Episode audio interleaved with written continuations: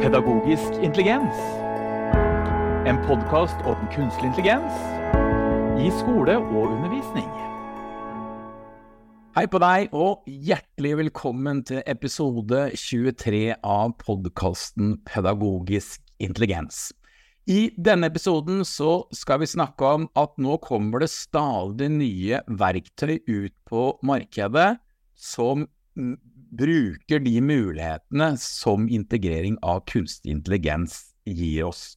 Vi har i en tidligere episode snakket om learning accelerators som Microsoft holder på å bygge inn i sine verktøy, men nå er det de tusen blomster blomstrer. Nå kommer mange eksterne leverandører av programvare med integrasjon av kunstig intelligens. Og det skjer jo da på én av to måter. Enten så har man utviklet en språkmodell selv, f.eks., eh, og så integrerer man det i verktøyet sitt. Eh, Morten Gudvin, vår beste professor i Norge på kunstig intelligens, sa at han har veldig liten tro på at vi i Norge skal kunne utvikle egne språkmodeller av en så høy kvalitet som ChatGPT, fordi at det rett og slett tar for lang tid, koster for mye penger, og at vi ikke har tilgang til så store supercomputere som trengs. Riktignok så klarer man nå etter hvert å lage også mindre språkmodeller, men ChatGPT og lignende verktøy er jo de desidert ledende. Og da er det jo en mulighet, det er at uh, du går inn på et verktøy, og så logger du inn med din uh, ChatGPT 4.0-konto som en plug-in-konto mot denne leverandøren. Dette forutsetter selvfølgelig at du har en ChatGPT-abonnement som du kan logge inn med. Det blir ganske vanskelig i forhold til bruk i skolen. Derfor så tror jeg at løsningen det er at eh, et eh, pedagogisk verktøy integrerer en språkmodell i verktøyet sitt. Og det som jeg tror de fleste kommer til å gjøre, det er å integrere mot ChatGPT. Og dagens gjest, det er Erlend Trygg Kobro. Velkommen, Erlend. Takk skal du ha, Magnus. Veldig hyggelig å være her. Eh, du er en representant for firmaet LearnLab, som har vært en av pionerene i Norge på å integrere ChatGPT, jeg kaller det det, jeg vet at det ikke heter akkurat det, inn i verktøyet deres. Aller først, fortell kort om deg selv. Hvem er du? Ja, jo, Erlend Trygg Kobro heter jeg, jobber som produktleder i LearnLab. Utdannet lærer, jobba i en del år i grunnskolen som ungdomsskolelærer. Kontaktlærer, samfunnsfag, engelsk, litt gym og religion, litt sånn som mange unge lærere gjør, har mange fag.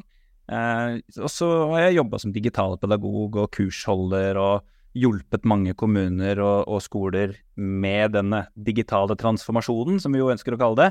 Eh, liksom, hvordan kan man bruke digitale verktøy på en måte som tilfører noe? Så, Sånn at ikke det bare blir en sånn idiotboks som vi ser eh, visse kjendisskuespillere og diverse går hardt ut eh, mot på Facebook og i, i nasjonal presse eh, nylig. Eh, jeg trodde vi var litt ferdig i den diskusjonen i 2018, men det var vi tydeligvis ikke. Eh, og så har jeg da jobba i LearnLab med å utvikle det produktet som, som LearnLab har nå, som vi sikkert skal prate litt om de neste minuttene. Eh, men som produktleder så sitter jeg egentlig med hovedansvaret for produktet. Eh, ko koordinerer utviklerne våre og, og, de som programmerer og, og, lager tjenesten, og koordinerer testing og kvalitetssikring og personvern og ja, universell utforming og mange spennende områder. Første gangen jeg var borte i LearnLab, så var det et studentresponssystem. I dag har jeg forstått at det er så mye mer. Kan du fortelle litt om hva er LearnLab? LearnLab starta jo med Yngve Lindvig og Jarl Inge Wærnes, som kommer fra Læringslaben, tidligere Connexus, og har jobba mye med både læringsanalyse og, og pedagogisk utvikling av IKT-verktøy eh, i ja, nesten 30 år nå. Eh, men, men, som du sier, som et studentresponsverktøy, da. Egentlig tenkt som en sånn norsk kontekstvariant av andre studentresponsverktøy. Eh, og så har det vokst seg til å bli mer egentlig man kan kanskje kalle det et slags økosystem. Det er jo et litt sånt slitt begrep, men um, ulike verktøy som svarer på en del av behova som lærere og elever har i, i, skolen, som ikke dekkes av de store kontorgigantene. Altså, du har Google Education, nei, Google uh, Suit for Education, og du har Microsoft Office 365, liksom, som leverer skriveprogram, presentasjonsprogram, eh, regneark og på en måte helt sånn grunnivåverktøyet. Og så har man behov for en del andre produksjonsverktøy. ikke sant? Du må kunne lage noe video, kanskje spille noe podkast, lage noen digitale visualiseringer, type tankekart, digitale bøker. Sånn kreative verktøy, da. Så uh, de siste åra så har vi egentlig laga en pakke med apper som er uh, ment til å gjøre den jobben som kontorverktøya ikke gjør. Uh, sånn at når elevene er ute og flyr rundt i skogen med, med læringsbrettet sitt og tar bilder av blader, så har de et sted å legge inn det bladet og lese inn en liten uh, forklaring på hva det er de har sett, eller spille inn en liten video, eller uh, designe en liten uh, digital veggplakat, eller hva det er de måtte ønske å gjøre.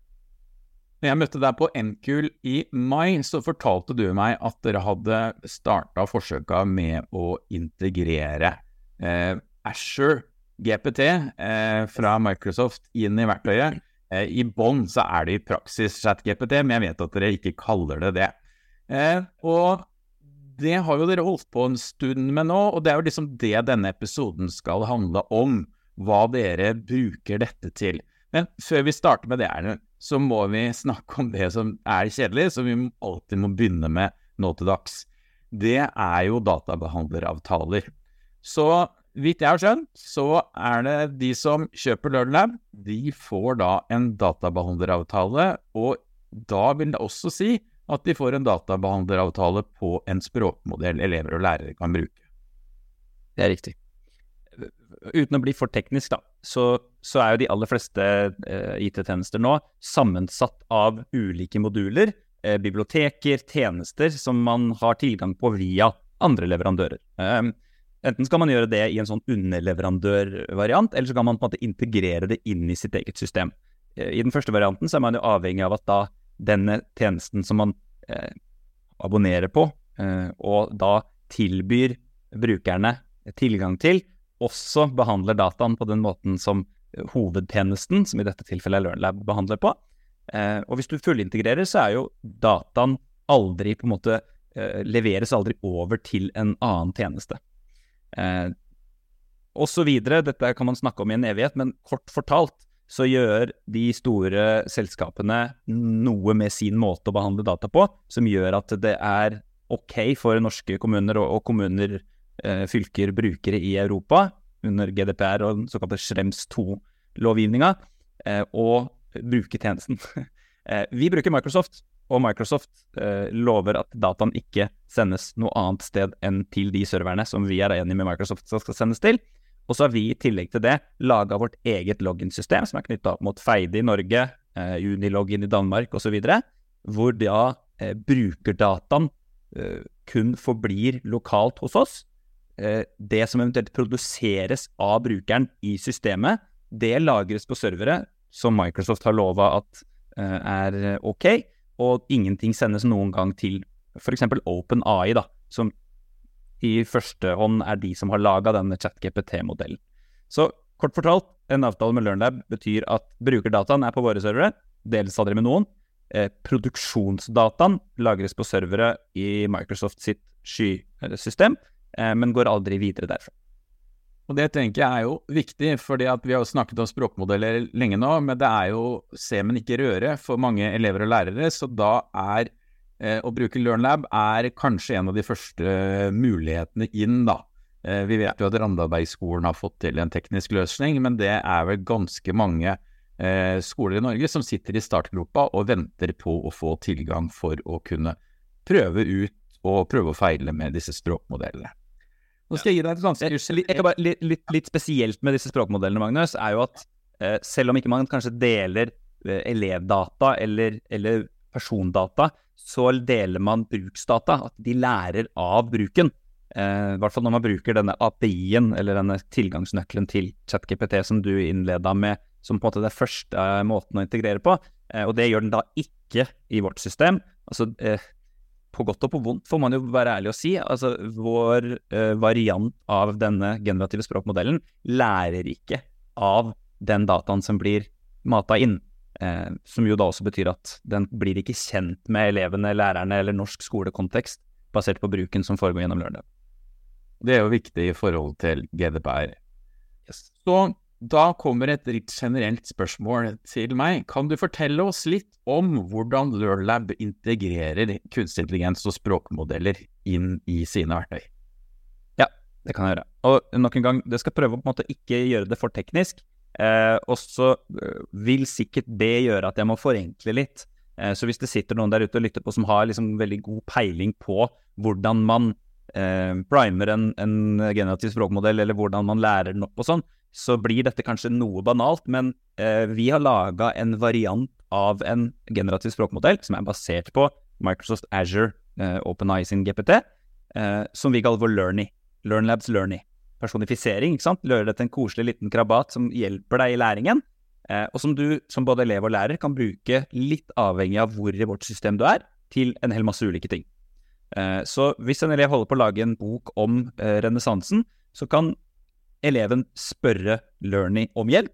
Eh, og da forhåndsdefinerer vi noen spørringer, prompts, til modellen som eleven kan stille. Eksempel, kan du hjelpe meg å komme videre? Kan du hjelpe meg å forbedre historien min? Kan du hjelpe meg å uh, tydeliggjøre, strukturere arbeidet mitt? Eller kan du, som Sokrates ville gjort det, stille meg noen relevante spørsmål som får meg til å reflektere?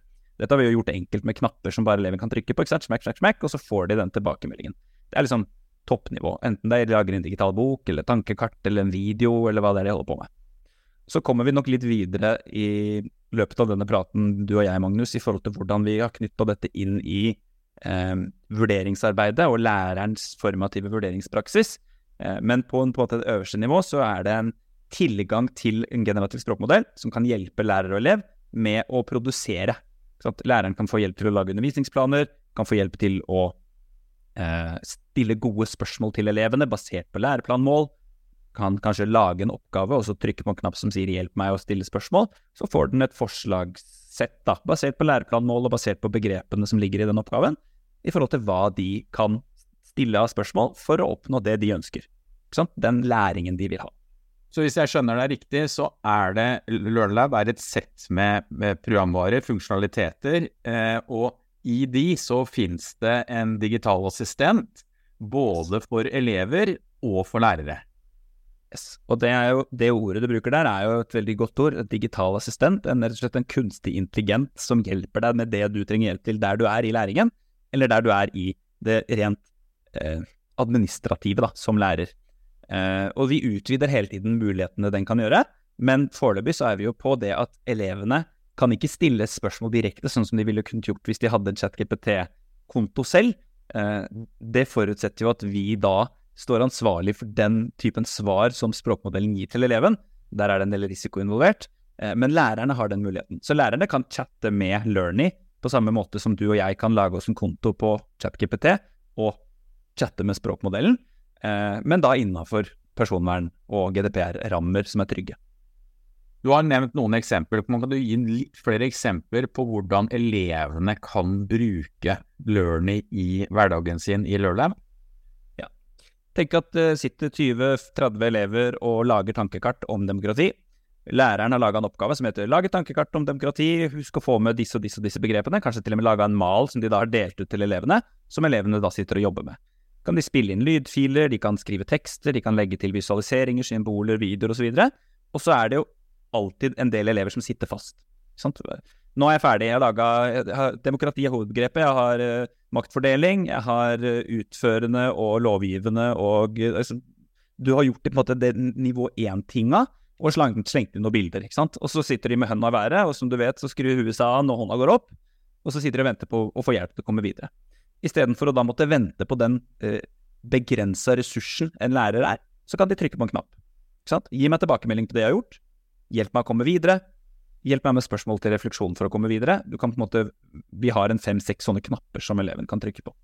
Så tar det 20 sekunder, og så får da eleven, basert på det de har gjort, både lyden de har spilt inn, bildene de har lagt inn og teksten de har skrevet, noen tilbakemeldinger til uh, hvor er du, hva har du gjort, noen tilbakemeldinger til hvor skal du, hva er målet, og noen tilbakemeldinger til hvordan skal du komme dit. Og for de av dere som kjenner premisser for gode prinsipper for god underveisvurdering, så klinger det sikkert noen bjeller her allerede. ikke sant? For her har jo vi eh, et litt eh, forkjært ord, men prima. Altså vi har eh, justert språkmodellen til å forstå god tilbakemeldingskultur og god vurderingspraksis. Så selv om dette ikke egentlig handler om vurdering av eleven, så er det jo det som foregår her. Eleven, for å komme videre, basert på prinsippet for god underveisvurdering, så vet vi at den må vite noe om hvor den er, den må vite noe om hva den får til, og hva som mangler for å komme dit den skal, eller ønsker å komme. Eh, så er det litt avhengig av både hva slags kompetanse eleven har fra før, og eh, hva læreren ønsker at økta skal handle om. Eh, men det tror jeg også vi kommer tilbake til når det kommer til selve liksom vurderingsdelen av det. Ja, la oss spille ballen videre til vurdering, fordi at uh, dere har integrert dette her mye i vurderingsmulighetene uh, som ligger her. Kan du fortelle litt om prosessen for læreren fra å lage oppgaven til å eh, sende til elevene og få tilbake og gi tilbakemeldinger? Ja, og, og da må vi på en måte anerkjenne at lærere bruker digitale verktøy veldig forskjellig. Sant? Eh, og, og, lærere tilnærmer seg vurdering for læring også veldig forskjellig. Så vårt mål med dette her er å lage et system som er så robust at de lærerne som på en måte toger inn i klassen, har eh, pensum, læreplan og pedagogisk variasjon her, og så agerer på det, de skal ha glede av dette verktøyet, og dems elever skal ha glede av det. Og de lærerne som sitter timevis på forhånd, planlegger øktene sine, definerer oppgavene, legger til læreplanmål, bestemmer strukturelle eh, rammebetingelser, og så går inn og agerer på den planen, de skal ha glede av det. Eh, så Derfor har vi laga et system som, hvor, hvor, lærerne kan gjøre alt det jeg nettopp sa. De kan planlegge undervisningen sin, legge til læreplanmål, legge til viktige begreper, legge til ressurser som de ønsker å dele ut til elevene, både fra LearnLab-system og de store kontortilbyderne, uh, Word, filer, Excel-filer, PDF-er, whatever det måtte være. Uh, og så kan da, når elevene er i gang med å jobbe med dette systemet, så kan de enten nok en gang stille spørsmål selv til den kunstige intelligensen. Hvordan legger jeg an? Hva kreves for at jeg skal komme videre og forbedre meg? Eh, de vil få den tilbakemeldingen da som er relevant med hensyn til hvilke læreplanmål og hvilke begreper læreren ønsker at de skal jobbe til. Eller læreren kan gjøre det samme. Gå inn på en oversikt over alle elevene. Se hvor er de i sin prosess. Har de levert noe? Har de begynt å jobbe med noe? Er de i gang her? Og så spørre den kunstige intelligensen om hjelp til å gi elevene god underveisvurdering, basert på prinsipper for nettopp god underveisvurdering. Ikke sant? Hvilke læreplanmål er det vi bruker? Hva, hvor er eleven? Hva får den til? Hva får den ikke til? Og da sendes ikke dette direkte til eleven uten at læreren får lov til å vurdere det selv, men da får de et utkast til en tilbakemelding, som de enten kan gi til eleven i valgfritt LMS, Teams eller hva det måtte være, eller bare sende rett til eleven i, i LearnLab. For noen lærere så høres dette for godt ut til å være sant, eh, for andre lærere så høres dette veldig farlig ut. Kan du prøve å fortelle hva som er utgangspunktet for denne formative tilbakemeldingen da, som, som eh, KI-en foreslår til læreren at den skal gi til eleven? Ja, eh, vi baserer jo hele vår pedagogikk, LearnLabs pedagogikk, på periodetenking. Sant? At man skal jobbe med utvikling av kompetanse over tid, og at det er en prosess. Ehm, så de lærerne som, som litt sånn adhoc løper inn i klasserommet eh, og følger en eller annen satt struktur i enten læreboka eller i en eller annen plan som er laga i august og aldri revurdert igjen, eh, de vil ha begrensa verdi av selve eh, den prosessorienterte bruken av KI, men de vil kunne bruke den mer sånn adhoc promptinga, eh, spørringa til den kunstige intelligensen. Hvis vi gjør det sånn som eh, både du og jeg og pedagogiske forskere mener at god prosessorientert vurdering for læring skal foregå, så er man avhengig av å velge noen læreplanmål. Man er avhengig av å velge noen viktige begreper og noen tilnærminger. Og så vet vi jo både pga. at vi har en veldig god læreplan i Norge som har en klart definert overordna del, som legger noen premisser om hva all opplæring og undervisning skal handle om, og vi har gode støttedokumenter på bl.a. UDIR sine sider knytta til vurdering for læring, så vet vi egentlig hva som skal til for å få til, i hvert fall ifølge UDIR, eh, få til god læring og god vurdering. Eh, og Hvis man tar disse, eh, hva skal man kalle det da, disse informasjonsinnholdsbitene, læreplan, kompetansemål, overordna del, prinsipp for god underveisvurdering, og så sørger man for at når den generative språkpanelen gir tilbakemelding til eh, brukerne sine, eh, som i dette tilfellet er lærere og elever, enten elev via lærer eller direkte, eh, tar hensyn til dette når den gir tilbakemelding, og tar hensyn til det eleven har gjort i dette tilfellet, og alt eleven har gjort tidligere, så blir den tilbakemeldinga veldig sterk. Den blir veldig kraftig. Uh, jeg har sjøl uh, synda mye i dette med vurdering, at jeg har en tendens til å ta utgangspunkt i det eleven har gjort akkurat nå. Og når man skal sette en karakter, så skal man jo vurdere elevens kompetanse på nåværende tidspunkt. Men karakterer er jo veldig lite viktig i underveisvurdering. Eh, og når man vurderer underveis, så er det veldig viktig å se hva har eleven fått til tidligere, hvordan har de utvikla seg, og hvor er de nå. Så kort fortalt, og det vet jeg at det er eh, litt for, seint å si nå, for nå har jeg prata lenge, men eh, vi tar hensyn til hva eleven har gjort. Alt som er lasta opp i LearnLab, og eleven, i perioden. Fra starten og så lenge du har holdt på med dette temaet eller denne perioden. Og det er opp til deg som lærer å bestemme om det er 14 dager eller om det er hele året så tar vi hensyn til alle elevenes innleveringer, alle tidligere oppgaver, alt det elevene har gjort. Og så gir vi deg som lærer et forslag til en tilbakemelding til eleven, basert først og fremst på det eleven har levert nå, men også det eleven har levert tidligere. Ut ifra hva du vil at eleven skal oppnå av læreplanmål, begreper og premisser for god vurdering. Og da blir den tilbakemeldingen, til og med for meg som sitter og jobber med dette hver dag, overraskende bra. Så da kommer det, og her ligger det sikkert noen bedriftshemmeligheter og sånt som vi ikke nødvendigvis skal snakke om, men dere har knadd gode pronter, eh, hentet inn data fra riktige steder, så kommer det svar ut. Og jeg tror at mange lærere er da opptatt av at dette er jo da et utkast til en formativ tilbakemelding til eleven som læreren må titte på og vurdere om er riktig eller ikke, at vi har den menneskelige faktoren inn her. Eh, så sier du at den eh, overraskende ofte, kan være veldig bra, men du har på en måte en sensorvirksomhet av læreren som kvalitetssikrer den tilbakemeldingen før den sendes til eleven. Yes. Eh, og det, det, er mange ting her som ikke nødvendigvis handler om læring også, ikke sant. Eh, jeg husker jeg reiv av meg det lille håret jeg hadde som 26-åring da jeg jobba på, på Vøyninga skole i Bærum, på hvor mange eh, vurderingsarbeider jeg følte at jeg måtte gjøre bare for å kunne dokumentere sant? disse halvårsvurderingene hvor jeg kopierte og limte inn så like vurderinger at det nesten var flaut, og så bare endra på et par ord bare fordi jeg skulle ha det ned i liksom, dokumentasjonsøyemed. Eh, Alt dette, å bare få gode utkast som tar høyde for hva eleven kan og ikke kan, og gir deg et utkast på 30 elever på bare et minutt, sånn at du istedenfor å bruke alle de timene jeg brukte på å skrive halvårsvurderinger, det var jo helt vanvittig. ikke sant? Det var ikke en elev som leste de, men jeg måtte gjøre det.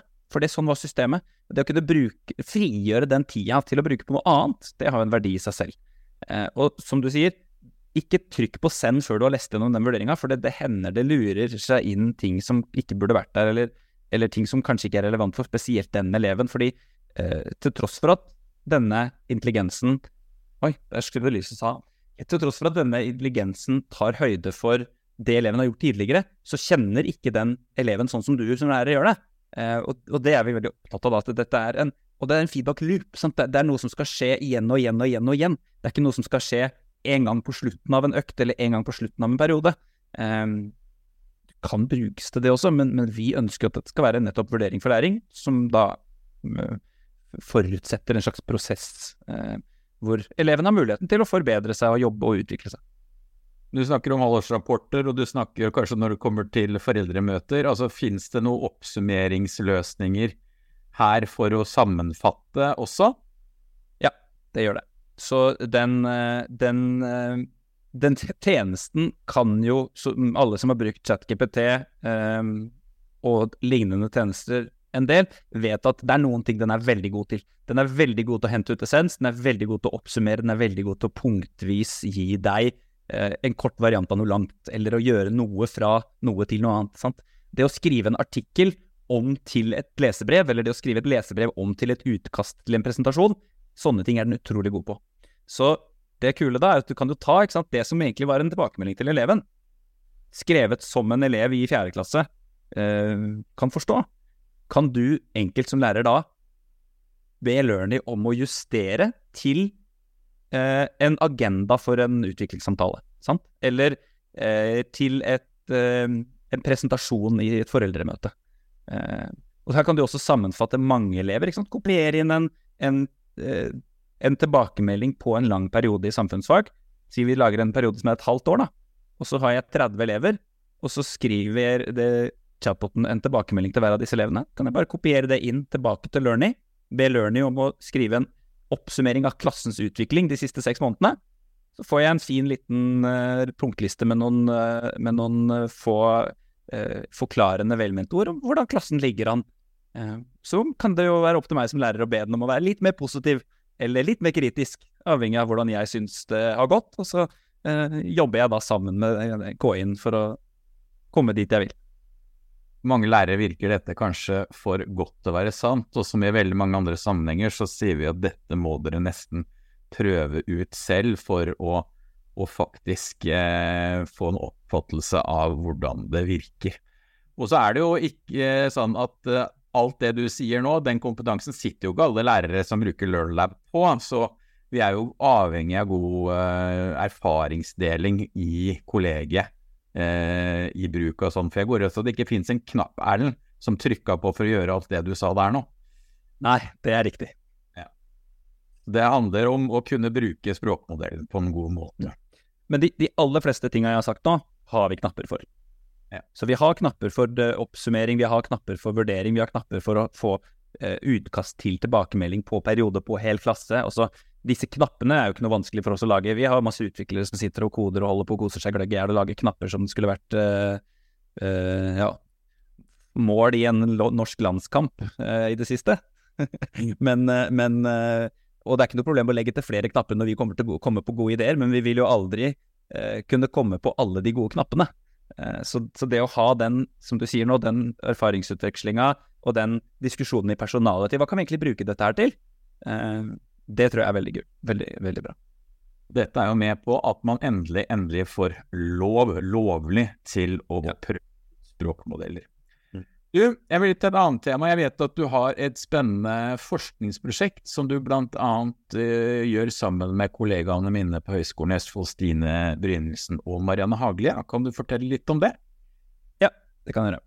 Så uh, LearnLab sitt, uh, sitt, mål, da, og, og, dette er ikke et forsøk på å på en måte male LearnLab som noe sånn fantastisk eh, produkt som alle burde kjøpe. Altså, dette er ikke i salgsøyemed, men det er bare vår pedagogiske grunnholdning er at vurderingssystemene som eksisterer i den vestlige verden, ikke fungerer. Eh, vi har hatt som mål nå i mange år å endre det og, og være et, et, reelt alternativ til, eh, til eksamen. Til de formative, nei, de summative vurderingsformene som finnes det vi ønsker å finne ut av, med bl.a. kolleger fra, av deg fra, fra Høgskolen Østfold, er kan kunstig intelligens, de mulighetene som har kommet nå det siste året, eh, gjøre at vi er i stand til å endre vurderingspraksisen som skolen nå har brukt i 30-40-50 år. Eh, så, så, det vi gjør ute på skoler nå, Magnus, og dette er, eh, dette er kult, det er at vi, vi bruker LearnLab som system, eh, men vi følger også opp elever og lærere i bruken av det for å kunne rett og slett svare på kan kunstig intelligens endre vurderingspraksis, og da til det bedre. Mer formativ, mindre dokumentasjon, mer tid med elevene, mindre tid på dokumentasjon og kjedelig papirarbeid. Eh, så vi er nå ute på en hel masse skoler, bl.a. i Østfold, Kongsvinger, rundt i Drammensområdet, rundt til og med helt opp til, til Nord-Norge, hvor vi følger opp skoler uh, i bruken men også ha med forskere på laget fra Høgskolen i Østfold og fra Universitetet i Sørøst-Norge, som, eh, som, da helt eh, kritisk og, og, og vitens, vitenskapelig ser gjør dette en fast, faktisk positiv endring. Eh, vil vi få en, en, bedre, mer robust og mer formativ vurderingspraksis nå som vi har tilgang på dette verktøyet? Vi gleder oss til en publisering på det, og se hva konklusjonen blir. Er det, til slutt skal oppsummere, eventuelt legge til ting jeg ikke har spurt om som jeg burde spurt om, så er de siste orda i denne podkastepisoden dine. Ja, nei, jeg tror at mulighetsbildet nå, kontra hvor vi var i august for et år siden, eh, er revolusjonerende. Sånn dette vil på et eller annet tidspunkt eh, tvinge gjennom en faktisk endring av hvordan vi ser på vurdering. Hvis man snakker om eh, problemer dette her skaper knytta til juks, knytta til elever som ikke lærer de evnene som vi skal lære de, eller de kompetansene som vil at de skal lære de, eh, så har man ikke forstått hva faktisk kunstig intelligens er. litt enkelt sagt så hørte jeg noen si at eh, hvis vi skal diskutere om de nå ikke skal ha tilgang fordi de da ikke vil trenge å øve på en eh, kompetanse, så betyr kanskje det at ikke de trenger å øve på den kompetansen uansett. Eh, og Det er en, en, en, enorm forenkling, men jeg tror ikke vi ser helt slutten på hvor stor endring dette, disse verktøyene kan tvinge gjennom eller uh, fasilitere eller få til. Uh, det er veldig veldig gøy, det er veldig veldig spennende, men det er komplekst. Så vi er midt oppi det, og vi kommer til å gjøre mange kule ting. Og vi kommer til å gjøre mange ting som ikke kommer til å funke så bra. Og så får vi ta noen runder på det. Da er det bra vi har med forskere og kompetansemiljøer som kan være med på den prosessen. Eh, det jeg i hvert fall vet, er at lærere som har bestemt seg for å ikke dyppe tåa ned i dette vannet her, de kommer til å henge ganske langt bak. Så hvis jeg skal komme med en anbefaling til dine lyttere, det tror jeg egentlig ikke jeg trenger, for de sitter jo allerede og lytter på den podkasten, søk læring, søk kompetanse, søk å holde seg oppdatert og følge med. Eh, og ikke tro at man klarer å følge med på alt, for det er helt umulig. Det er kanskje én eller to som klarer det, og det er sånne Goodwinner og Norer som sitter og bruker all mulig tid på det. Skal man undervise en, eh, en skokk med elever i sin beste alder med fullt av pubertale, hormonelle eh, liv, så er det faktisk det som er det aller viktigste. Og så får man bruke litt tid innimellom på å bare holde seg oppdatert med en podkast eller lese en bok eller dra på et seminar. Takk skal du ha, Erlend.